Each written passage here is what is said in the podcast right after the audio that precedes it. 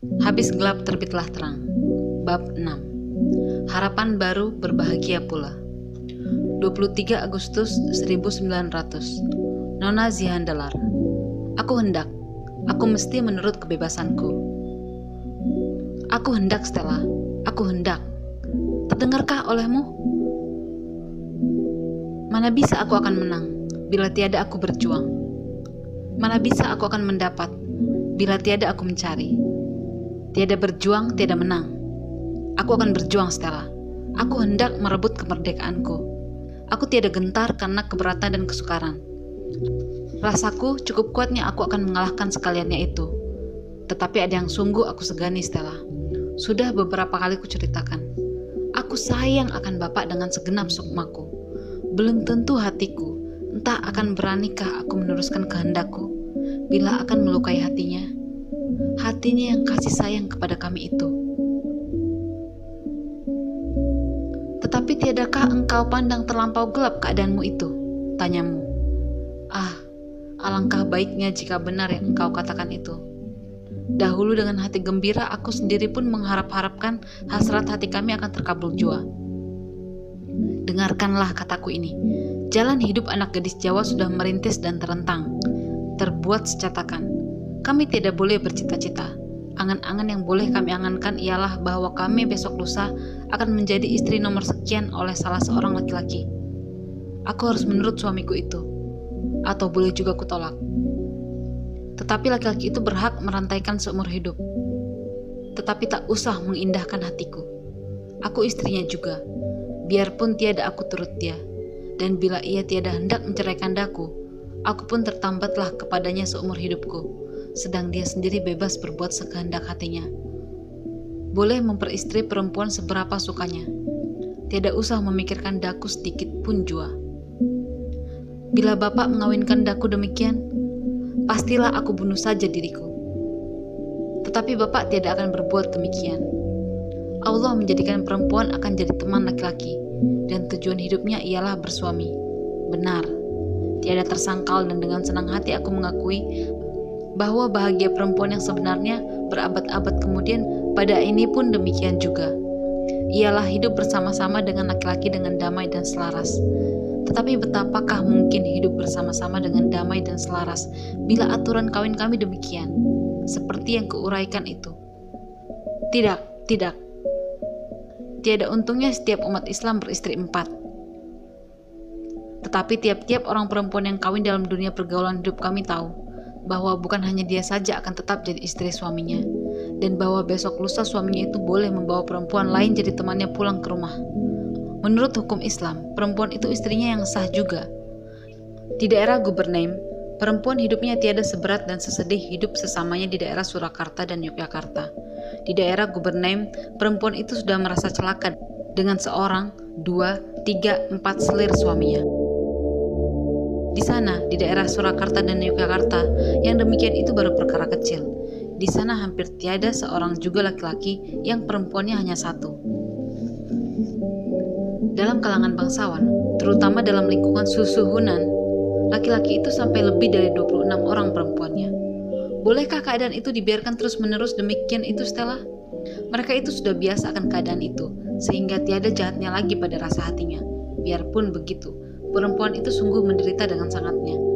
Hampir semua perempuan yang terkenal di sini mengutuki hak laki-laki ini, tetapi menyumpah dan mengutuki itu tak ada sedikit pun jua faedahnya. Kita harus berusaha memeranginya. Marilah, wahai perempuan dan gadis, bangkitlah. Marilah bantu membantu bersama-sama bergiat mengubah keadaan yang tak terderita itu. Ya Stella, aku tahu bahwa di Eropa pun keadaan kesusilaan laki-laki amat buruk jua serta dengan kau, aku mengatakan segala puji kepada anak muda yang menjauhi adat kebiasaan yang sudah berkarat dan godaan itu. Aiblah bagi gadis masa sekarang, dengan sadarnya mengikuti laki-laki yang hidup cemar. Sesungguhnya, ibu-ibu muda lah yang mungkin sebanyak-banyaknya dapat berjasa melenyapkan sekaliannya itu. Yang demikian itu sudah acap kali, kami kakak beradik mengucapkannya. Ingin hatiku hendak beranak, laki-laki dan perempuan yang akan kudidik, kubentuk jadi manusia sepadan dengan kehendak hatiku. Pertama-tama akan kubuangkan adat kebiasaan yang buruk, yang melebih-lebihkan anak laki-laki daripada anak perempuan. Tidak usah kita herankan lagi apa sebabnya nafsu laki-laki memikirkan dirinya sendiri saja. Bila kita ingat bahwa laki-laki itu sejak semasa kecilnya sudah diperlebih-lebihkan daripada anak perempuan. Dan semasa kanak-kanak, laki-laki itu sudah diajar merendahkan derajat anak perempuan itu. Bukankah acap kali kudengar seorang ibu berkata kepada anak laki-lakinya, bila dia jatuh lalu menangis, Cih, anak laki-laki menangis, tiada malu, seperti anak perempuan saja. Anakku, laki-laki mau perempuan akan kuajar supaya menghargai dan pandang memandang sama rata, makhluk yang sama, dan didikannya akan kusamakan benar, yakni tentu saja masing-masing menurut kodrat kecakapannya. Misalnya, oleh karena aku hendak menjadikan anakku jadi perempuan kaum baru, tiada aku akan menyuruh belajar bila tiada kehendaknya maupun tiada kecakapannya akan belajar. Tetapi mengurangi haknya akan melebihi abangnya sekali-sekali tidak. Lagi pula hendaklah aku menghapuskan pembatas antara laki-laki dan perempuan yang diadakan orang dengan amat telitinya, sehingga menggelikan. Yakinlah aku, bila pembatas itu lenyap, hal itu akan menguntungkan laki-laki terutama. Aku tidak sanggup dan tidak hendak percaya bahwa laki-laki yang sopan dan cerdas dengan sengaja akan menjauhi pergaulan dengan perempuan yang sama dengan dia derajatnya, tentang kesopanan dan kecerdasan. Menjauhi pergaulan dengan mereka itu dan lalu mencemarkan diri, dipeluk perempuan hina. Sebabnya maka banyak laki-laki segan bergaul dalam lingkungan perempuan yang sopan, ialah karena hampir selama-lamanya ingatan seorang anak gadis lantas kepada perkawinan sekali bila ada seorang laki-laki yang bergurau sedikit saja dengan dia. Hal itu semuanya akan lenyaplah apabila laki-laki dan perempuan tetap bergaul dengan bebasnya, dengan tiada sangka-sangka, seperti bergaul sesama kanak-kanak sampai pada akhir baliknya. Katamu, kita perempuan banyak yang boleh kita perbuat supaya anak-anak muda tetap berjalan pada jalan yang benar. Tetapi amat sedikit daripada hidupnya itu yang boleh kita ketahui. Seandainya itu akan berubah juga nanti. Tetapi kita harus dengan sungguh-sungguh berdaya upaya, berusaha dengan sungguh-sungguh. Kalau tidak, masa itu tidak akan tiba. Kami di sini di Pulau Jawa ini masih baru pada pintu gerbang masa baru itu. Soal yang dikehendaki Nyonya Van Zoylentrom, kukarangkan, ialah tentang kehidupan perempuan bumi putra. Pasal itu sekarang lebih baiklah tiada kukarangkan. Tentang pasal itu banyak, terlalu banyak yang hendak kukatakan. Dan pada waktu ini, tiada aku akan sanggup bercerita dengan teratur. Beberapa tahun lagi barangkali, bila aku sudah lebih berpikiran dan lebih sabar, akan beranilah aku mengarangnya. Dewasa ini segala pikiranku mengenai hal itu masih kacau balau, melayang-layang di dalam kepalaku bagai daun jatuh ditiup oleh angin. Kerap kali aku bertemu dengan orang kulit putih yang sekali-kali bukan bodoh, malahan bangsawan pikiran, tetapi angkuhnya bukan main, tiada tertahan. Hal itu menyakiti hatiku bukan main, dan terlalu banyak orang merasakan kepada kami bahwa kami orang Jawa sebenarnya bukanlah manusia. Betapakah orang Belanda itu hendak kami, orang Jawa, kasih sayangi, apabila kami diperlakukannya secara demikian. Cinta membangkitkan balasan cinta, tetapi penghinaan selama-lamanya tidak akan menghidupkan rasa cinta. Seminggu yang lalu ada datang berkunjung ke rumah kami, direktur pengajaran, ibadat dan kerajinan serta istrinya, dan Stella, marilah bergilang hati bersama-sama dengan Daku. Direktur itu dengan sengaja datang hendak mendengarkan sendiri pendapatan Bapak tentang usul yang tidak lama lagi hendak disampaikannya kepada pemerintah. Ialah usul mendirikan sekolah gadis bumi putra. Tadinya aku sakit dan diriku merasa amat malang. Bukan hanya karena sakit badan, melainkan juga karena sakit hati. Stella, aku yakin mimpiku akan jadi orang yang bebas akan tamatlah. Untuk ketika itu Bapak memberikan surat direktur itu, minta bertemu dengan Bapak. Dikatakannya sekali perkara apa. Ketika surat itu diberikan Bapak kepadaku, saya sembuh dan segar sesegar-segarnya perasaan badanku. Dan beliau datang, tiada sendiri, Istri beliau turut serta. Stella, selama kami hidup tiadalah pernah sesenang itu hati kami berkenalan. Aku sudah sayang akan beliau ketika aku tahu apa maksudnya datang. Dan sayang itu bertambah ketika kulihat beliau datang masuk ke halaman kami. Beliau duduk di bangku muka, di bangku belakang istri beliau, dan di sisinya bapak yang menjemputnya dari stasiun. Aku maklum, bapak duduk di sana ialah semata-mata karena ajakan beliau yang sungguh-sungguh. Bagimu hal itu adalah suatu adat sopan santun yang biasa saja. Tiada lain, tetapi tertawalah aku. Stella, hal itu ada membesarkan hatiku. Hal itu menyatakan kepadaku bahwa direktur itu sederhana sifatnya. Bahwa rasa angkuh, tinggi hati, dengan tiada kecualinya yang ada melekat pada hampir semuanya pegawai negeri, rasa angkuh itu jauh daripadanya. Aku sangat biasa melihat bapak duduk di sebelah residen, asisten residen, berapapun juga mudanya mereka itu daripada bapak. Bukan aku saja, sedangkan orang Eropa pun juga sakit hatinya melihat nafsu gila meninggikan pangkat nafsu yang mewajibkan pegawai Eropa dan bupati pada waktu kumpulan duduk di kursi. Sedang Wedono yang sudah berubah dalam jabatan tinggi sudah dicukupkan duduk di lantai dingin itu, hanya berlapik tikar dan sering kali pun tidak beralas sama sekali. Orang Eropa yang sekecil-kecilnya berhak duduk di atas kursi, sedang pegawai Bumi Putra di bawah pangkat bupati tidak pandang umur asal kecakapannya diharuskan duduk di lantai. Bila ada pegawai Eropa hadir, Sungguhlah menyedihkan hati melihat Odono yang sudah tua dan beruban itu lalu berjongkok-jongkok di hadapan kanjeng Tuan Aspiran, seorang muda belia yang baru saja keluar sekolah. Tetapi padalah, karena itulah hatiku tertarik oleh sopan santun direktur itu. Seorang yang berpangkat tinggi. Sedang beliau bercakap dengan bapak, nyonyanya berkata-kata dengan kami. Alangkah gembiranya hati kami mendengarkan katanya. Diceritakan maksud suaminya, lalu ditanyakannya pikiranku tentang hal itu. Amat bagus nyonya kalau sampai kejadian. Akan mendatangkan berkah kepada perempuan bumi putra dan lebih besarlah berkah itu. Jika ada pula diadakan sekali kesempatan bagi gadis itu mempelajari sesuatu kepandaian yang boleh menjadi jalan untuk mencari penghidupannya sendiri. Bila oleh karena kecerdasannya, tiada senang hatinya lagi kembali ke dalam dunianya yang dahulu. Dan gadis yang pikirannya sudah dicerdaskan, pemandangannya sudah diperluas, tiada akan sanggup lagi hidup di dalam dunia nenek moyangnya. Diajar orang dia bebas, lalu dimasukkan orang dia ke dalam terungku. Diajar ia terbang, lalu dimasukkan ke dalam sangkar. Sesungguhnya perempuan yang sebenarnya cerdas tidak mungkin merasa berbahagia dalam masyarakat bumi putra, selama masyarakat itu tetap saja seperti sekarang. Selama ini hanya satu jalan saja terbuka bagi gadis bumi putra akan menempuh hidup, ialah kawin. Dan betapa perkawinan itu di dalam dunia bumi putra tentulah Nyonya ketahui. Nyonya sudah selama ini di Pulau Jawa ini. Teramat baiklah suami Nyonya hendak memberikan didikan dan pengajaran bagi anak gadis. Tetapi janganlah dilupakan, apa yang diberikan oleh suami Nyonya kepada dunia bumi putra akan sebenar-benarnya lah berkah. Nyonya itu hendak mempercakapkan dengan daku tentang segala hal dan tentang segala perkara yang acap kali kita perkatakan. Ialah soal perempuan. Ketika pada malam itu kami berpisah akan pergi tidur, beliau genggam tanganku dengan kedua belah tangannya. Digenggamnya erat-erat dengan ramahnya, seraya berkata, Sahabatku. Kemudian kita ulang pula mempercakapkan pasal ini. Saya akan sering dan banyak menulis surat. Maukah kau juga berkirim surat demikian kepadaku? Ceritakanlah banyak-banyak, ceritakanlah semuanya. Besok paginya kami antarkan beliau dan tiga jam lamanya kami duduk bersama-sama di dalam kereta dan di dalam tram banyaklah kami, beliau dan aku bernyanyi-nyanyi. Biarpun waktu kami berpisah tadi malamnya, waktu sudah pukul 12. Sempat juga beliau menceritakan semuanya yang diketahuinya tentang hal kami kepada suaminya.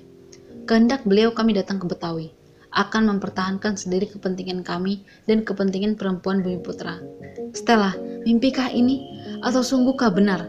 Sungguhkah akan baik jadinya dengan kami ini? Bolehkah kami berharap mimpi kami itu akan terkabul? Banyak lagi yang kudengar, banyak lagi yang dikatakannya kepadaku, tetapi tiadalah aku berani menceritakannya kepadamu. Semuanya itu masih jauh, masih sangat jauh dari capaianku, tetapi cahayanya telah mengenai mukaku. Nanti, nanti setelah kekasihku. Bila sudah ada dalam pangkuanku, sudah kupeluk erat-erat, tidak mungkin lagi lepas. Akan kau ketahui juga nanti apa gerangan hal itu. Kutanya kepada adik-adikku, masih hidupkah aku ini? karena tiada terhingga rasanya bahagia untukku. Doakanlah kekasihku, janganlah kiranya sekalian itu hanya angan-angan belaka, karena alangkah pilunya nanti. Biarlah aku jangan terlalu bergembira, sebab masih belum pasti benar. Boleh jadi tidak terkabul. Alangkah besar kecewanya nanti. Hidup kami sebagai di dalam mimpi. Tiada hari besok bagi kami semuanya. Tiada hari kemarin. Hanya hari yang sekarang ini sajalah yang ada. Indah, bagus amat menyebabkan kepalaku pening, menjadikan daku tergamang. Alangkah hebatnya kecewa kelak bila mimpi dan angan-angan kami sekarang ini hilang lenyap jadi asap belaka. Tiba di rumah kutulis dengan segera surat yang sukaria isinya kepada sahabat kami, Nyonya Oving, karena beberapa hari yang lalu telah terbayang jerit putus asa dari kami kepada dia. Dan ibuku sayang itu haruslah tahu, anaknya berbahagia pula kembali. Tiada segala yang kutulis kepadamu ini kuceritakan kepada dia. Hanyalah kukabarkan rasa hatiku tiada terperikan bahagianya Dadaku penuh dengan asik dan berani hidup. Sahabat kami yang baru itu berkata kepada suaminya, dia hendak benar belajar berbagai-bagai bahasa, ingin benar hatiku hendak mengajarnya. Kemarin ada ku terima surat daripada beliau 20 halaman panjangnya. Alangkah manis dan ramahnya isi suratnya. Kata beliau, rasa-rasa beliau akan bertemu lagi dengan kami. Dan beliau percaya akan rasa itu. Percayalah di masa yang akan datang, katanya dan aku akan percaya selama aku tahu kau dan beliau ada di sisiku. Surat beliau itu sama dengan surat-suratmu, senantiasa menjadikan aku malu. Kau dan beliau terlalu tinggi pandanganmu dan pandangan beliau kepadaku. Janganlah kiranya aku mengecewakan mereka yang sangat percaya akan daku itu. Demikianlah bunyi doaku yang naik membumbung dari dalam hatiku. Doa yang hening bening dengan sangat. Kasihan Bapakku, kesayangan hatiku, telah banyak benar menanggung duka cita, dan kehidupan masih tetap saja mendatangkan kecewa kepadanya, memilukan hatinya. Stella, kesayangan Bapak hanyalah anak-anaknya saja. Kami biji matanya, keriangan, kelipur laranya. Aku sangat sayang akan kebebasanku. Itulah jiwaku, dan nasib saudara-saudaraku perempuan menjadi minat perhatian hati jantungku. Aku rela membantunya banyak-banyak, dan relalah pula berkorban barang apa pun jua yang boleh sekiranya menjadi kebaikan baginya. Dapat dan boleh aku berkorban diri bagi keperluan perempuan. Itulah yang kupandang jadi bahagia hidupku. Tetapi yang terlebih kusayangi daripada semuanya itu ialah bapakku Stella. Katakanlah aku pengecut, penggamang, apa boleh buat, lain daripada itu tak dapat kubuat, bila bapak menahan aku daripada berbuat bakti itu. Akan aku terima dengan tawakal, sekalipun hatiku akan meratap menangis. Aku enggan melukai hati lagi, mencucurkan darah hati yang sayang akan daku itu. Sudahlah cukup bercucuran darahnya, biarpun sekali-sekali bukan karena salahku. Katamu, kau tidak mengerti bahwa seorang perempuan mesti kawin. Mesti. Engkau pertentangkan selalu dengan aku mau. Jika berhadapan dengan orang lain, pastilah aku berbuat demikian juga. Tetapi ini dengan Bapak. Tiadalah aku sanggup berbuat demikian apalagi sekarang ini, karena aku tahu betapa sedihnya penderitaan yang ditanggungnya. Segala yang akan kuperbuat tiada kupandang jadi barang yang mesti, melainkan jadi barang yang kupikul dengan rela hatiku bagi kesenangannya. Aku mengarang, menggambar, segala apa kuperbuat karena Bapak senang. Aku akan bekerja keras dengan segala asik hatiku. Akan berbuat sesuatu yang baik juga. Ialah karena aku hendak menyenangkan hatinya Stella. Katakanlah aku gila, berlebih-lebihan, tetapi apakah dayaku? Aku amat sayang pada bapakku. Benar, akan sangatlah sedih hatiku bila sekiranya bapak menahan cita-citaku hendak bebas. Tetapi akan lebih tiada terhingga pilu hatiku bila keinginan hatiku yang sangat itu terkabul, tetapi aku pun harus kehilangan kasih bapak. Ah, kasih itu tiada hilang selama-lamanya. Itu aku yakin. Tetapi boleh jadi hatinya akan hancur luluh karena perbuatanku kecewa karena orang lain, agaknya akan terderita jua olehnya. Tetapi jika karena aku, pastilah akan sangat memilukan hatinya, sebab sayangnya akan daku barangkali lebih daripada saudaraku lainnya, dan aku amat kasih akan Bapak. Ajaib bukan? Aku sendiri hampir tiada pernah hatiku disakiti orang, tetapi sungguh pun demikian, senantiasa aku menderita. Aduh, merasa dengan jantung hati, itulah yang menjadi penderitaan. Tapi biarpun demikian, aku tak ingin menjadi orang lain dari itu, meskipun hatiku kerap kali luka bercucuran darah. Tetapi kadang-kadang yang demikian itu mendatangkan bahagia juga kepadaku. Bahagia yang tiada terperikan sedapnya. Tiada terangan-angan oleh orang yang semata-mata menimbang dengan akalnya. Akhir bab 6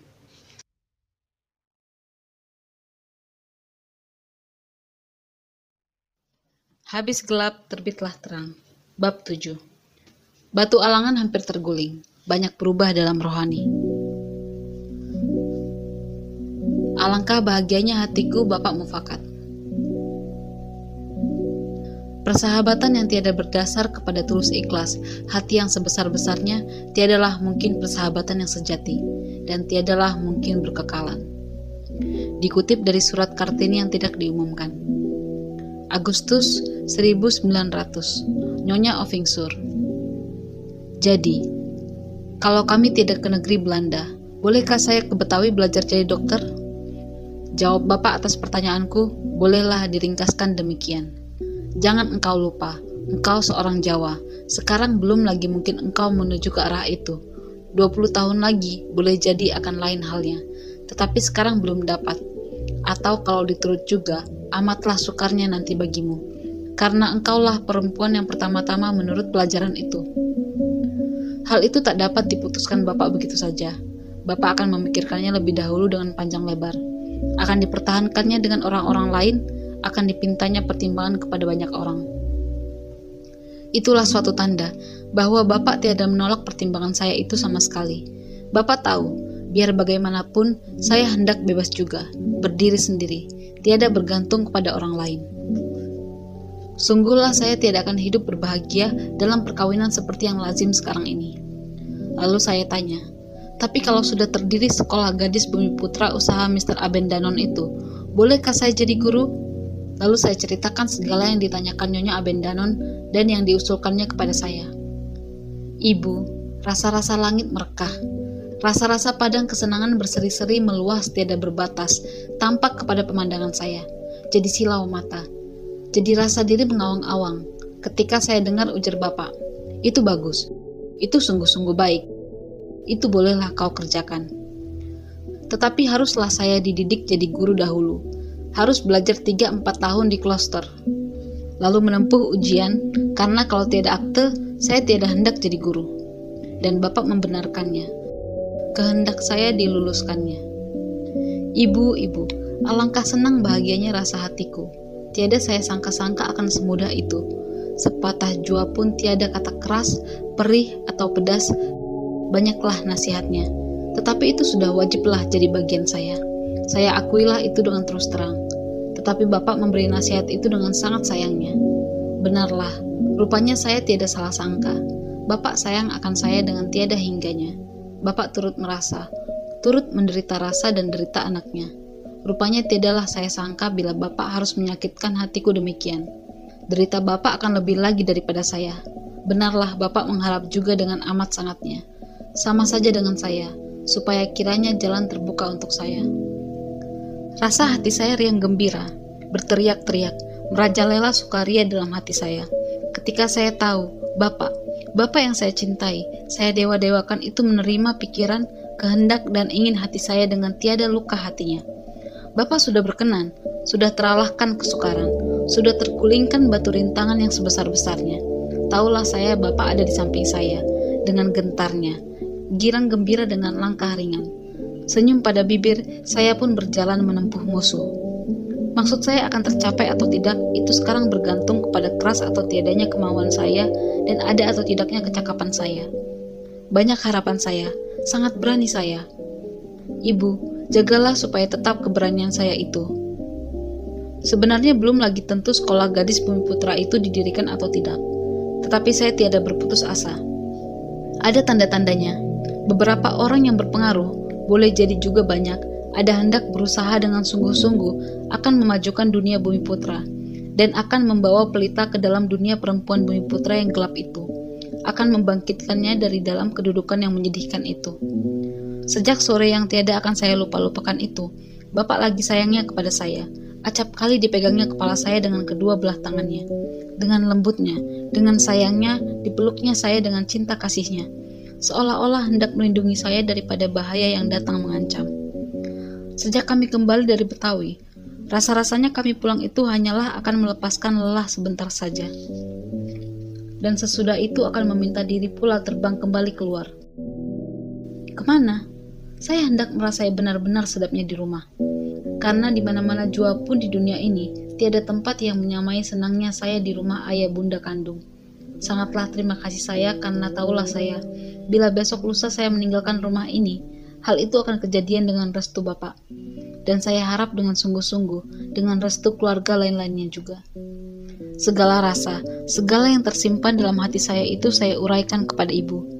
Yakin, sungguh-sungguh, percaya, benar-benar bahwa tiada orang lain yang dapat memperhatikan segala perkara saya dengan minatnya, lebih daripada ibu suami istri. Dan hal yang saya bentangkan itu mengenai seluruh nasib saya di masa yang akan datang. Saya tahu juga, selamanya boleh saya datang kepada ibu minta nasihat dan pertolongan.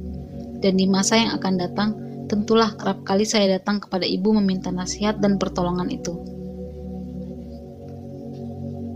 7 Oktober 1900 Nyonya Abendanon Belum selang lama ini saya dan ibu bercakap-cakap hal ihwal perempuan. Lalu saya nyatakan sekian kalinya lagi bahwa saya hendak bebas. Berusaha sendiri. Melayang bebas sebagai burung di langit. Tiada lagi yang lebih menghiburkan dan menarik hati saya. Tiada lagi yang jadi ingin hasrat hati saya dengan amat dendamnya. Kata ibu, tetapi belum ada orang kita yang berbuat begitu. Kalau demikian, memanglah telah waktunya sekarang. Ada seseorang yang harus berbuat begitu. Tetapi tahukah engkau, segala usaha yang bermula itu sukar adanya? Segala orang yang merintis, mulai mencari jalan, nasibnya tentu susah. Tahukah engkau, celaan, kecewa berturut-turut, sindiran akan datang nanti menimpamu? Taulah saya, bukan baru-baru ini saja pikiran itu timbul. Sudah bertahun-tahun lamanya terkandung dalam hati saya. Dan apakah kebaikannya bagi dirimu sendiri?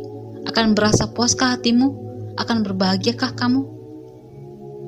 Saya tahu, jalan yang hendak saya tempuh itu sukar, banyak duri dan onaknya, dan lubang-lubangnya, jalan itu berbatu-batu, melekak-lekuk, licin jalan itu. Belum dirintis, dan biarpun saya tidak beruntung sampai ke ujung jalan itu, meskipun patah di tengah jalan, saya akan mati dengan merasa berbahagia karena jalannya sudah terbuka dan saya ada turut membantu mengadakan jalan yang menuju ke tempat perempuan Bumi Putra Merdeka dan berdiri sendiri. Sudah senang benarlah hati saya bila ibu bapak gadis lain-lainnya yang hendak berdiri sendiri pula tidak dapat lagi mengatakan, belum ada seorang jua pun orang kita yang berbuat demikian. Aneh, saya sekali-kali tidak juga merasa ngeri, takut, ataupun gentar. Saya tenang dan sungguh-sungguh berani. Hanyalah sayang, hatiku yang tebal, yang gila ini, pilu amat, amatlah sangatnya. Oktober 1900 Nyonya Ovingsur Selama hidup saya ini telah kerap kalilah saya rasai sendiri bahwa banyak kali kehendak hati itu berkenan disertai oleh luka hati. Banyak kejadian, amatlah banyaknya pada masa yang akhir-akhir ini. Semuanya membuktikan hal ini. Manusia itu menimang. Allah lah yang memutuskan. Sekaliannya itu jadi peringatanlah bagi kita manusia yang picik ini. Ialah peringatan supaya janganlah sekali-sekali angkuh. Percaya dengan sungguh-sungguh bahwa kita sendiri ada kodrat kemauan sendiri adalah kodrat yang lebih besar, lebih tinggi daripada kuasa dunia semuanya bersama-sama. Adalah lagi irodat, lebih kuasa daripada segala kemauan manusia semuanya bersama-sama. Sungguh sia-sialah manusia yang tak kabur mengatakan kemauannya sendiri keras sebagai besi, kukuh sebagai tenaga raksasa. Hanya ada satu kemauan yang boleh dan harus pada kita, ialah kemauan akan bertuankan diri, kesucian. Alangkah banyaknya yang berubah di dalam rohani kami. Maka kami berkata demikian. Memang, banyak yang berubah di dalam rohani kami. Sungguh banyak. Jalan kepada Allah dan jalan kepada padang kemerdekaan hanyalah satu. Siapa yang sesungguhnya jadi hamba Allah, sekali-sekali tiada terikat kepada seorang manusia. Sebenar-benarnya merdekalah dia. Dalam beberapa hari ini ada yang menimpa diri kami. Bila hal itu kejadian sebelum ada perubahan di dalam dunia rohani kami ini, tentulah kami akan menjadi berputus asa. Tetapi sekarang kami berpegang teguh pada tangannya. Mata kami dengan tiada putus-putusnya kami tujukan kepada dia. Dia akan mengemudikan kami, menimbang dengan kasih sayangnya. Dan lihatlah, gelap menjadi terang, angin ribut menjadi angin sepoi-sepoi. Semuanya yang ada di sekeliling kami tetap seperti sedia kala. Memang tidak berubah, tetapi bagi kami sudah berubah. Yang berubah itu sebenarnya di dalam diri kami maka disinarinya lah segala yang ada dengan cahayanya. Alangkah tenang dan damainya di dalam rohani kami. Ibuku sayang, kami sangat berbahagia. Bukan bahagia yang bergetar, riang gembira, melainkan rasa bahagia yang tenang, damai, mesra. Sangatlah inginnya hati kami akan mempercakapkan hal itu semuanya dengan ibu. Tuan Van Kol ada mengirimkan kepada kami sebagian daripada surat istrinya. Tetapi janganlah sekali-sekali takabur, karena segala kebahagiaan itu kurnia Allah juga. Sama benar dengan yang acap kali diucapkan ibu kepada kami.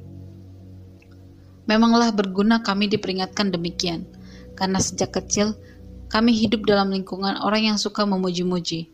Perlu kami diberi ingat demikian itu. Kami, terutama kamilah, amatlah perlunya menjaga diri daripada takabur, yaitu yang seolah-olah suatu batu karang tempat kapal banyak terdampar sampai hancur luluh. Tiada lepas-lepasnya kami mendoa memintakan keteguhan hati, supaya dapatlah menanggungkan segala apa saja duka maupun suka. Sukarialah terutama, karena sukaria itu adalah mengandung godaan besar. Banyak perahu hidup orang muda hilang haluannya oleh angin ribut kegirangan. Dan banyaklah nyawa muda tenggelam di dalam lautan sukaria. Betapakah gerangan rasa kita nanti? Apakah yang akan kita katakan tentang diri masing-masing bila kita bertemu lagi, Ibu?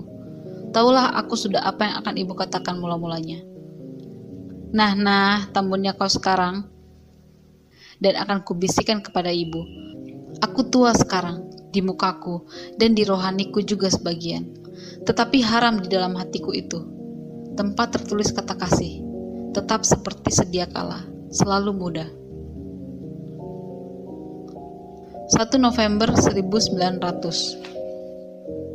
Nyonya Abendanon Kabar baik, aku boleh, boleh, beri salamlah aku, peluklah aku, tekankan pada hati Nyonya, tinjaulah ke dalam mataku yang bersinar-sinar ini tinjaulah melihat rasa bahagia hatiku.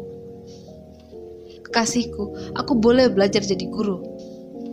Saya telah bercakap dengan Bapak. Sudah saya ceritakan apa yang Nyonya tanyakan kepada saya ketika Nyonya di sini. Dan kata Bapak, baik sungguh, bagus benar, aku boleh lagi belajar, supaya kemudian dapat mengajar bila sudah ada hakku mengajar. Boleh dan hendak, hendak dan boleh. Tiada lagi yang lebih bagus dari itu dan kata sanggup haruslah melengkapkannya. Hendak ialah sanggup, bukan? Sangatlah senangnya rasa hatiku, dan saya tahu nyonya suami istri dengan sebenar-benarnya serta bergilang hati mengetahui saya berbahagia. Betullah, saya sekarang belumlah jadi apa-apa, tetapi saya boleh menjadi apa-apa. Senangnya hatiku. Tadinya saya berdiri di tepi jurang, merenung ke dalam, ke dalam yang gelap, tak terduga dalamnya.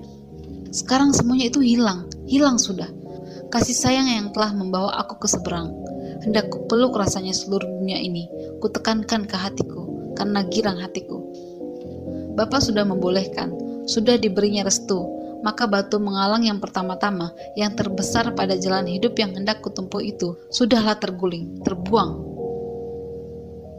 9 Januari 1901 Akan datang juga kiranya keadaan baru dalam dunia bumi putra, kalau boleh oleh karena kami, tentu oleh karena orang lain. Kemerdekaan perempuan telah terbayang-bayang di udara, sudah ditakdirkan, dan barang siapa terpilih oleh nasib menjadi ibu rohani, melahirkan barang yang baru, dia itu harus menanggung. Sudah selamanya menjadi hukum alam, barang siapa melahirkan harus menanggung sakit beranak. Tetapi betapa pula sayangnya kita akan anak yang sudah kita sayangi, sebelum ada orang yang menyangka dia akan lahir anak yang kita kandung dengan penanggungan dan penderitaan. Belum berapa lama ini ada datang ke rumah kami seorang profesor dari Jena, Dr. Anton, sedang dalam perjalanan untuk kepentingan ilmu penyelidikan datang ke sini serta dengan istrinya, akan berkenalan dengan kami. Takut benar saya, pandangan orang kepada saya terlalu tinggi. Saya tahu dengan pasti bahwa orang telah terpedaya oleh sinar cahaya barang baru, dan barangkali juga oleh rasa iba kasihan kami berpaham baru menurut pikiran banyak orang, bahkan menurut paham orang sini. Dan tiap-tiap barang baru menarik perhatian. Pada sangka profesor itu kami masih setengah biadab, tetapi didapatinya orang biasa saja yang asing kepadanya. Hanyalah warna kulit, pakaian, dan segala yang di sekeliling kami ini, dan ini semuanya menjadikan segala yang biasa itu serasa-rasa ajaib. Bukankah senang terharu rasanya hati kita apabila kita mendapati buah pikiran kita sendiri pada orang lain? Dan bila orang lain itu seorang asing, seorang bangsa lain, dari benua lain, darah lain, warna kulit lain, adat dan kebiasaan pun lain. Maka oleh karena perbedaan itu semuanya semakin indah lagi kesamaan semangat itu. Saya yakin orang tidak akan mengindahkan kami seperempat daripada yang sekarang. Bila kami tidak berpakaian sarung dan kebaya, melainkan bergaun.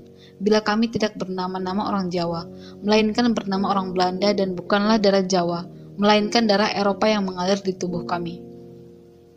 Di antara om tenar Eropa, banyak yang bersahabat dengan kami, dan dengan sungguh-sungguh mereka itu akan menunjang dari dalam keadaan yang buruk celaka yang telah berabad-abad lamanya itu. Dan banyak pula orang yang tidak kami kenal sendiri, menyukai pula maksud itu. Nanti akan kukirimkan salinan surat edaran Mr. Abendanon tentang cita-cita mendirikan sekolah itu, yang disampaikannya kepada sekalian pemerintahan Gowes.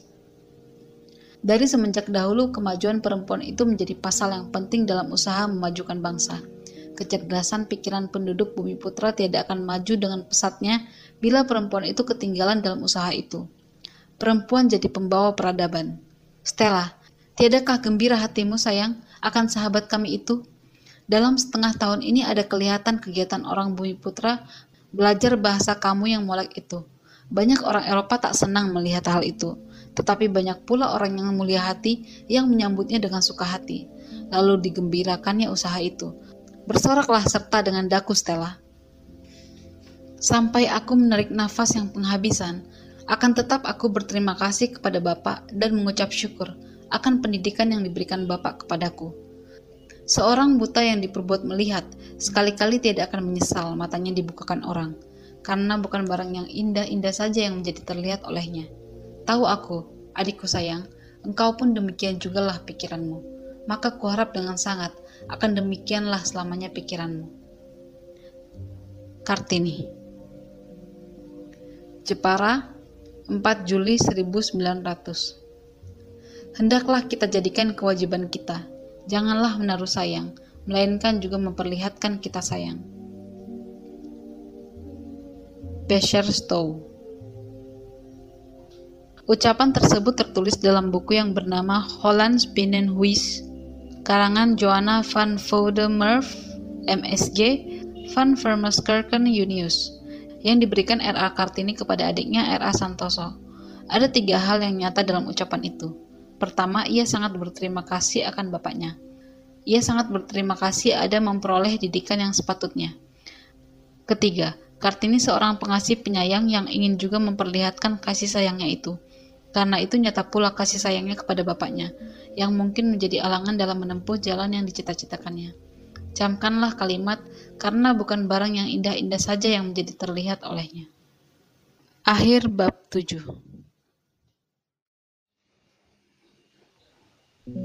Habis gelap terbitlah terang. Bab 8 Selamat berlayarlah engkau cita-cita. 21 Januari 1901 Nyonya Abendano Sore tadi kami ke pantai dengan Nyonya Gongriyip. Kami mandi di laut. Laut rasa hening dan warnanya sama rata. Saya duduk di atas batu karang, kaki terjuntai ke dalam air. Mata memandang jauh ke kaki langit. Aduhai, alangkah indah jelitanya bumi ini. Riang senang. Rasa terima kasih dan damai meresap ke dalam hati saya. Belum pernah dibiarkan alam kami pergi. Sebelum diberinya kami hiburan hati. Apabila kami datang minta dihiburkannya. Telah lama dan telah banyak saya memikirkan perkara pendidikan, terutama dalam beberapa waktu yang akhir ini.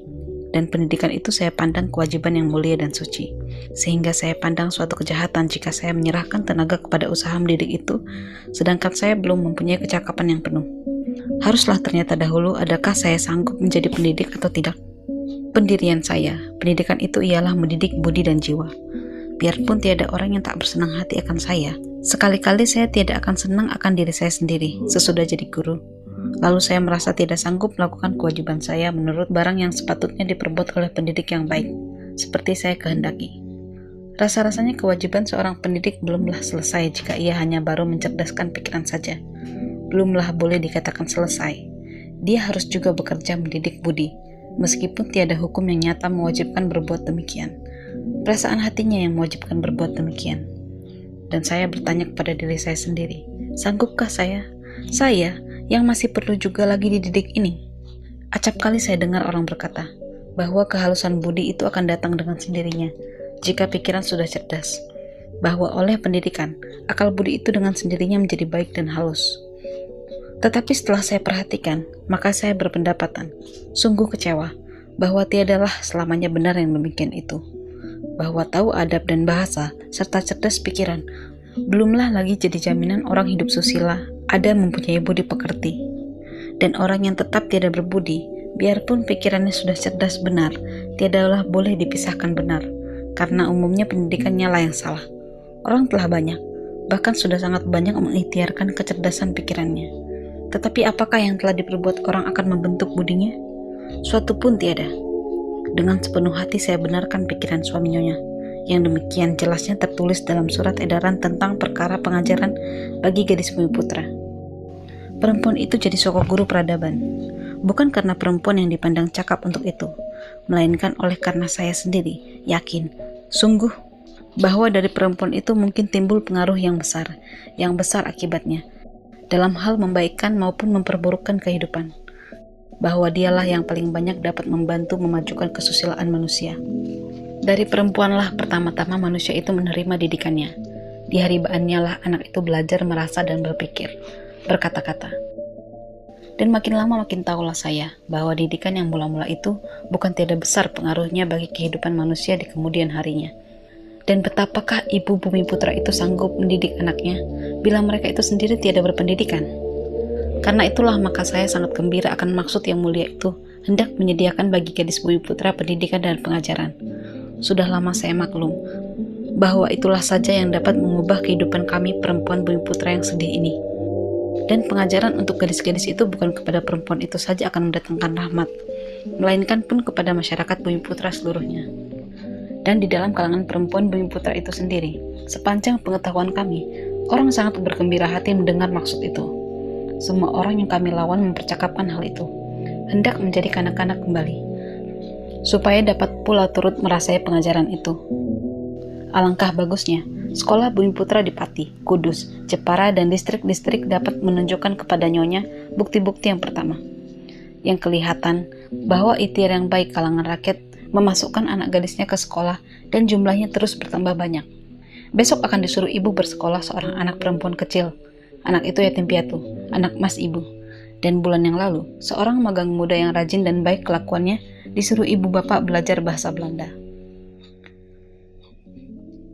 31 Januari 1901 Nyonya Abendanon Bermenung aku merenung keluar, menatap langit biru.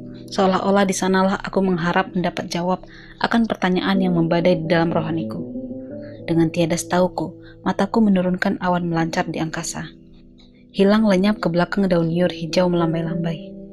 Tiba-tiba mataku tertambat pada daun-daun kecil bersinar bergetar-getar, berkilau-kilauan keemasan karena sinar cahaya matahari dan tiba-tiba berkilat di dalam sanubariku. Pernahkah orang bertanya, mengapa matahari itu bersinar? Siapa? Apakah yang dikiriminya cahaya? Aduhai, matahariku sayang, matahari emasku. Aku akan hidup dengan sepatutnya.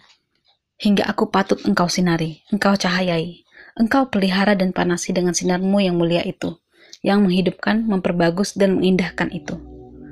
Karena itu kekasihku, janganlah berduka cita, Bila requestku itu tidak terkabul, sebab belumlah hidupku akan sia-sia.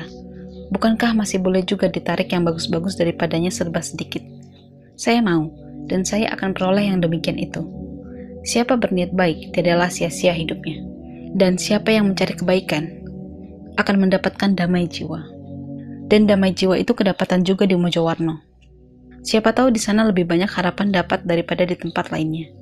Janganlah berduka cita kami pun sudah berterima kasih benar-benar, karena pokok ingin hati kami terkabul sudah.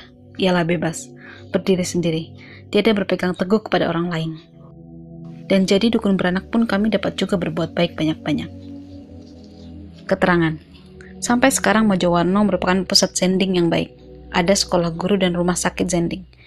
Di rumah sakit itu dapatlah belajar jadi dukun beranak, atau penyalin, atau bidan. 20 Mei 1901 Nona Zihandelar Aduhai, hatiku menderita sangat. Ingin aku hendak mencurahkan sedih hatiku itu. Bila boleh, berdampingan dengan engkau, pandang memandang, berdekatan hati. Stella, Ingin benar hatiku hendak membuat hatimu berbahagia. Mengirimkan surat yang riang-riang isinya. Menyenangkan hatimu memberitakan kami berbahagia. Bahwa akhirnya maksud kami sudah sampai. Aduh, tapi surat ini isinya akan tangis beriba-iba semata. Aku tidak suka mengeluh, mengaduh-ngaduh, tetapi aku haruslah mengatakan perkara yang sebenarnya. Perkara kami berubah sekonyong-konyong. Keadaannya lebih sulit dari yang sudah-sudah. Perlu sekali diurus dengan segera sudah menjadi perkara timbul atau tenggelam, menang atau tewas sama sekali, dan tangan kami terikat tiada berdaya akan berbuat apa-apa.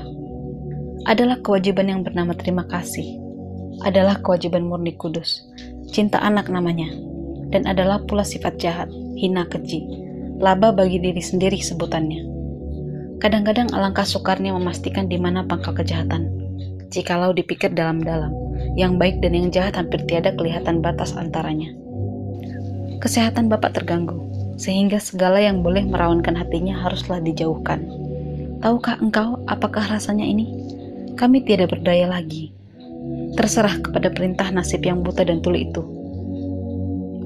Belum lama ini hampir sajalah keinginan hati kecil kami terkabul. Tetapi sekarang kami amat jauh pula tercerai. Dan ada pula yang mengancam layang-layang di atas kepala kami. Pahitlah rasanya terjaga sesudah bermimpi indah-indah telah dapat membuangkan segala rintangan. Kasihan hatiku, hati yang tersiksa ini, yang senantiasa menjerit sangat sedihnya, serta gentarnya. Apakah kewajibanku?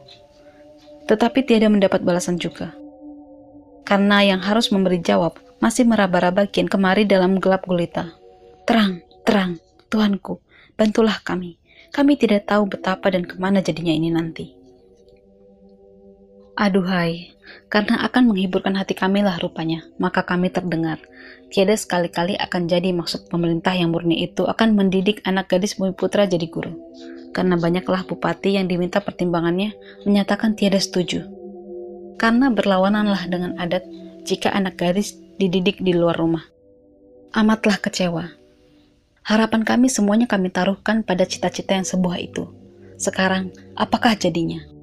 Selamat berlayarlah engkau cita-citaku. Bentangkanlah layarmu. Mimpiku emas juga. Sungguh terlalu indahnya. Manakah mungkin benar?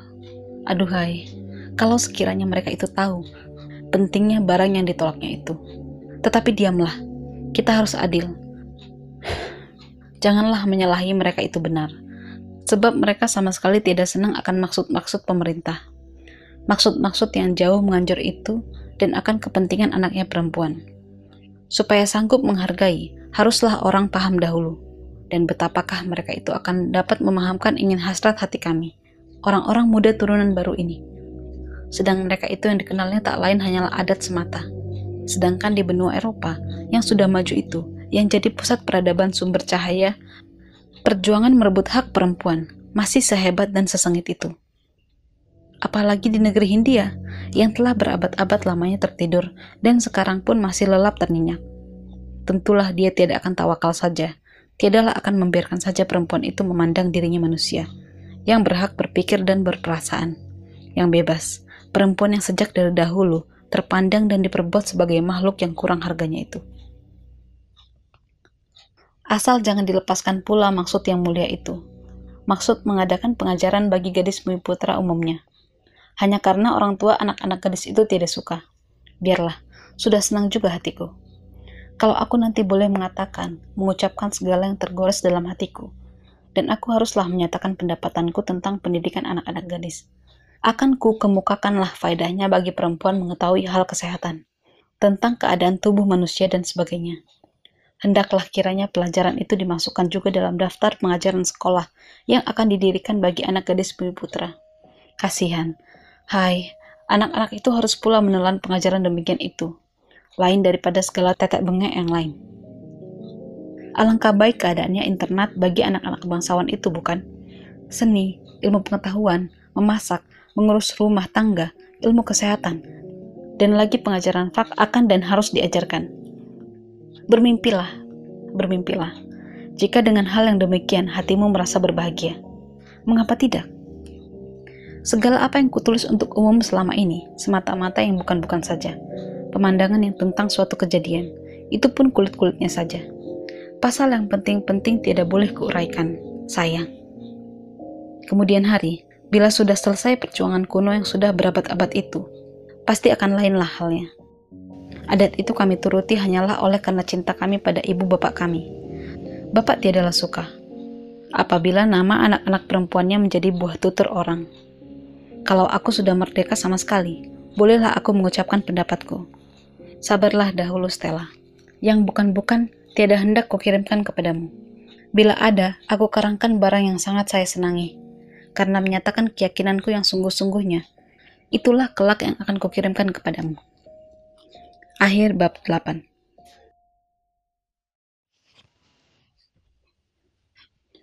Habis gelap terbitlah terang.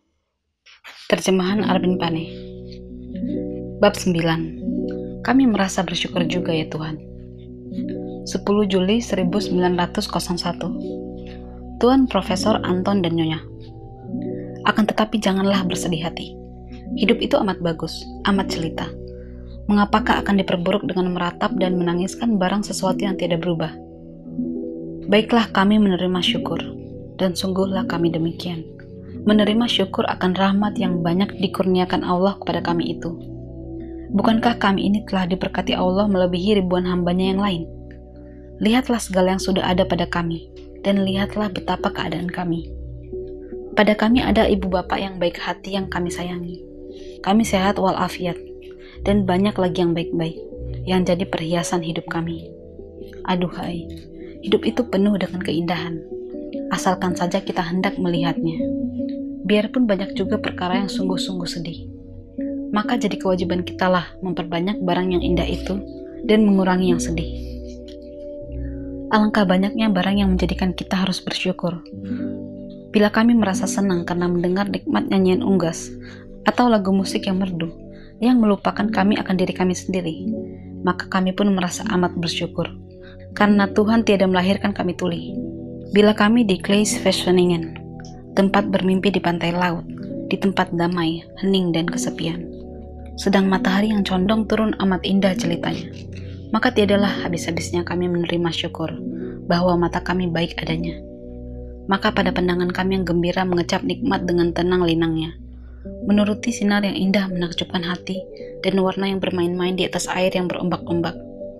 Bermain-main di kaki langit pada pemandangan itu adalah terlukis doa kesyukuran, hening bening, dipersembahkan kepada ruh kuasa yang gaib itu, yang mengadakan dan memerintah alam ini. Syukur, syukurlah, melepas beriang-riang dari dalam hatiku. Syukurlah, karena aku boleh dan dapat melihat segala yang indah itu. Berapa banyak orang yang tidak mengecap segala yang indah itu? Bukan hanya mereka yang sengsara saja, yang baginya sama saja siang dan malam, gelap gulita semata. Melainkan banyak juga orang yang matanya melihat sesempurnanya, akan tetapi tidak menampak barang yang indah itu. Maka sadarlah kami, betapa kami dilebihkan daripada beberapa banyak sesama kami manusia yang lain. Dan rasa syukur akan rahmat Allah yang maha pengasih itu terbitlah dalam sukma kami. Sedihlah pikiran mengenangkan bahwa orang harus mengingat kekurangan orang lain dahulu, maka barulah insaf akan kelebihan dirinya. Banyak lagi perempuan bumi putra, lebih, lebih terpelajar dan cakap daripada kami. Dan pada mereka ada tersedia segala yang perlu tiada kurang kesempatan akan mencerdaskan pikirannya dengan segala ilmu dengan sesukanya. Sama sekali tidak terlambat dalam mencerdaskan tenaga rohaninya, yang boleh menjadi apa yang dikehendakinya. Tapi mereka itu semuanya tiada berbuat apa-apa. Suatu pun tak ada yang tercapai oleh mereka yang menuju ke arah sesuatu yang boleh membangkitkan perempuan sebangsanya dan bangsanya. Mereka itu surut, kembali ke jalan adat kuno, atau terprosok terlebur sama sekali ke dalam dunia Eropa kedua-duanya hilang, tiada berguna bagi bangsanya. Padahal sekiranya mereka itu suka, tentulah mereka boleh memberi rahmat bagi bangsa-bangsanya yang seharusnya dipimpin mereka itu ke dunia yang terang benderang, ke tempat mereka itu sendiri dihantarkan oleh pendidikan mereka. Bukankah jadi kewajiban tiap-tiap orang yang lebih berbudi dan lebih pandai daripada sesamanya yang banyak itu membantu dan memimpin mereka itu dengan pengetahuannya dan kepandaian yang lebih tinggi itu? Tiadalah undang-undang yang nyata, melainkan budinya lah yang mewajibkan dia berbuat demikian. 1 Agustus 1901 Nyonya Abendanon bunga-bungaan dan dupa. Perasapan memangnya tiada boleh ketinggalan lagi bagi kami orang Jawa, pada segala dan semua hal. Aduhai, kenangan-kenangan dan perasaan apa yang tiada dibangkitkan oleh bau kembang dan dupa itu. Bila ia tercium oleh saya, dihidupkannya kembali masa yang sudah lampau dalam kenangan-kenanganku. Dirasakannya sekuat-kuatnya kepadaku darah Jawa yang mengalir dalam tubuhku. Wahai jiwa bangsaku, yang asalnya seindah semulia itu, kejayaan dan kesenian semata, kebaktian dan kerelaan belaka. Apakah jadinya engkau, Ska? Apakah jadinya engkau sekarang? Jadi apakah engkau telah diperbuat oleh kala yang berabad-abad itu? Oleh kebiasaan turut-turut, oleh kebiasaan turut-turutan. Acap kali benar dikatakan orang bahwa di dalam hati kami lebih belah. Acap kali benar dikatakan orang bahwa di dalam hati kami lebih Belanda dari Jawa. Alangkah sayunya hati karena pikiran itu. Boleh jadi seluruh tubuh kami sudah dihinggapi pikiran perasaan Eropa. Tetapi darah, darah Jawa itu, yang hidup dan mengalir dengan panasnya di sekujur badan kami, sekali-kali tiadalah dapat dihilangkan. Kami merasanya ada dalam tubuh kami. Pada ketika harum kemenyan dan bunga semerbak, pada ketika gamelan berlagu, pada ketika angin meresak pucuk pohon kelapa, perkutut, tekukur, batang padi bersiul, lesung padi berdentung-dentung. Sungguhlah tidak sia-sia kami seumur hidup merasa tinggal dalam lingkungan yang semata-mata terjadi oleh tata krama. Adat sopan santun. Tetapi kami telah melihat tampaknya adat sopan santun itu. Telah kami rasai benar-benar isinya tak ada. Dan telah kami dengar jiwa kami mengaduh, menjerit. Maklumlah kami maksudnya. Rupa yang tiada isinya, apakah gunanya? Rupa yang tampak perlunya akan menyempurnakan, tetapi isinya yang terutama. Sungguh pun demikian, bangsa Jawa itu banyak juga kebaikannya. Alangkah inginnya hati kami, Nyonya di sini di tempat kami, supaya kami perlihatkan kepada Nyonya segala apa yang bagus yang ada pada bangsa kami. Akhir bab 9 Habis gelap terbitlah terang. Penulis Armin Pane diterbitkan oleh Balai Pustaka, mengenangkan jalan hidup setahun, dinarasikan oleh Lili.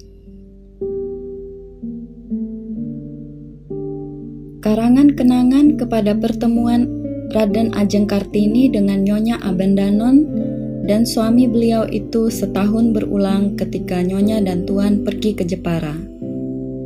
8 sampai 9 Agustus 1901 kepada Nyonya Abendanon. Tampak lagi kepadaku pantai indah jelita, putih-putih disinari oleh cahaya bulan pudar keemasan. Berkilat-kilat pada air sejuk yang senantiasa bergetar. Yang tiada terhingga luasnya, tiada putus-putusnya bergetar, berkilau-kilau keemasan. Kudengar pula daun kelapa hijau mendesau-desau, bergetaran bagai bulu besar-besar daripada perak, melambai-lambai dengan jayanya diembus angin malam sepoi-sepoi yang menghapus-hapus membelai pipi, mendesus di telinga kita. Dengan merdunya desau dan desir daun kelapa itu ditingkah oleh telepuk-telepuk lemah lembut ombak-ombak kecil yang gilang gemilang berkejaran ke pantai memecah di pesisir putih berkilauan. Itulah mimpi, memimpikan yang indah, memimpikan bahagia, dan kita pun duduk dikelilingi segala yang indah dan molek bagai dalam dunia angan-angan. Pantai bersiram sinar bulan putih memancar, lautan air emas dan perak berkilauan, langit biru permai bertatahkan bintang gilang gemilang, Kelapa melambai-lambai menyinarkan cahaya perak, desiran angin, tepukan ombak menyebabkan pendengaran, sedang di tengah-tengah kita duduk itu adalah ingatan permata yang baru didapat. Kami duduk mendengarkan suara merdu, dinikmatkan tenang-tenang, terasa badai berangsur-angsur dilambungkan gembira. Suara merdu mengisahkan kidung negeri asing jauh, jauh di seberang lautan Lepas luasan emas perak di hadapan kita, kidung tanah tumpah darahnya sendiri, negeri yang murni itu. Manakan aku dapat lupa akan ketika itu, ketika kita berkendaraan bersama-sama ke stasiun? Sudahlah lampau setahun lamanya, setahun penuh dengan hidup gelisah. Setahun ada aku riang bergembira, ada aku sedih meratap, ada aku merasa nikmat sebesar-besarnya. Tetapi ada pula berjam-jam bimbang berputus asa, bersedih hati tiada terderita, berjam-jam merasakan siksaan neraka, menderita pedih, sedih. Aku hidup dalam setahun itu lebih lama daripada 21 tahun sebelumnya. Dan meskipun begitu, masih terang benderang terlukis di mata ingatanku hari kita bersama-sama itu. Seolah-olah hanya baru beberapa menit saja lalu, dan bukankah 365 kali 24 jam lamanya? Dalam mengenangkan hari raya itu, hari yang membawa bahagia dan nikmat dalam kehidupanku ini, hatiku masih bernyala kegembiraan, jiwaku masih bergetar karena sayunya. Masih tampak jelas olehku, nyonya itu berpakaian warna biru muda. Seakan-akan kami berjanji dengan nyonya, kami pun berpakaian biru-biru tanda setia. Setia ialah kata bersahaja, tetapi alangkah besar dan dalam maksudnya, lebih daripada cinta kerap kali akan menetapi janji setia, haruslah hati lebih teguh lagi. Aduhai hati yang berdebar di bawah warna biru itu, tetap dapat menjunjung dia dan yang warna semboyannya ada kami pakai, dia yang bernama setia. Waktu kita bersama-sama itu ialah waktu yang bagiku serasa permata. Gembira hatiku, gembira karena rasa kaya, karena rasa bahagia. Aku merasa diriku ringan bagai burung, bila diembus oleh angin sedikit saja, akan melayanglah melambung ke langit biru, ke sinar cahaya. Apakah lagi yang dikatakan nikmat bahagia?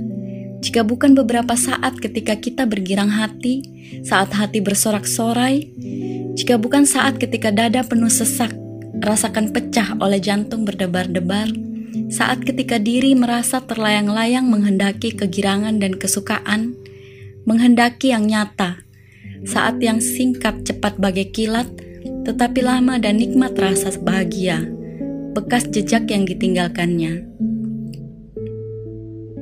Kasih yang didapat boleh menghidupkan nikmat bahagia, hanya bila orang yang mendapat itu sendiri ada pula menaruh cinta Masuk kereta lagi, tram harus berangkat. Aduhai benda buas yang menjerit hiruk pikuk ini, lambatkan. Kurangilah larimu. Janganlah biarkan kami terlalu cepat sampai ke tempat perceraian. Jalan kami, jalan yang kemarin baru engkau pertemukan itu. Tetapi stoker tiada mengindahkan saya. Lamalah digenggam nyonya tanganku, lalu nyonya berkata, Perjuanganmu nanti amatlah hebatnya, tetapi teguhlah, berani dan gembira, yakin dan percayalah. Nyonya melambai-lambai dengan sapu tangan, tuan dengan tudungnya. Tram mempercepat larinya. Mereka pergi sudah terbang jauh, amat jauh daripada kami. Mereka yang 24 jam yang lalu baru sama sekali belum kami kenal, tetapi sekarang ini sudah menjadi sebagian daripada jiwa kami, mesra melekat pada kehidupan kami. Aduhai hidup, hidup yang penuh kegaiban ini, bilakah engkau bukakan tabirmu?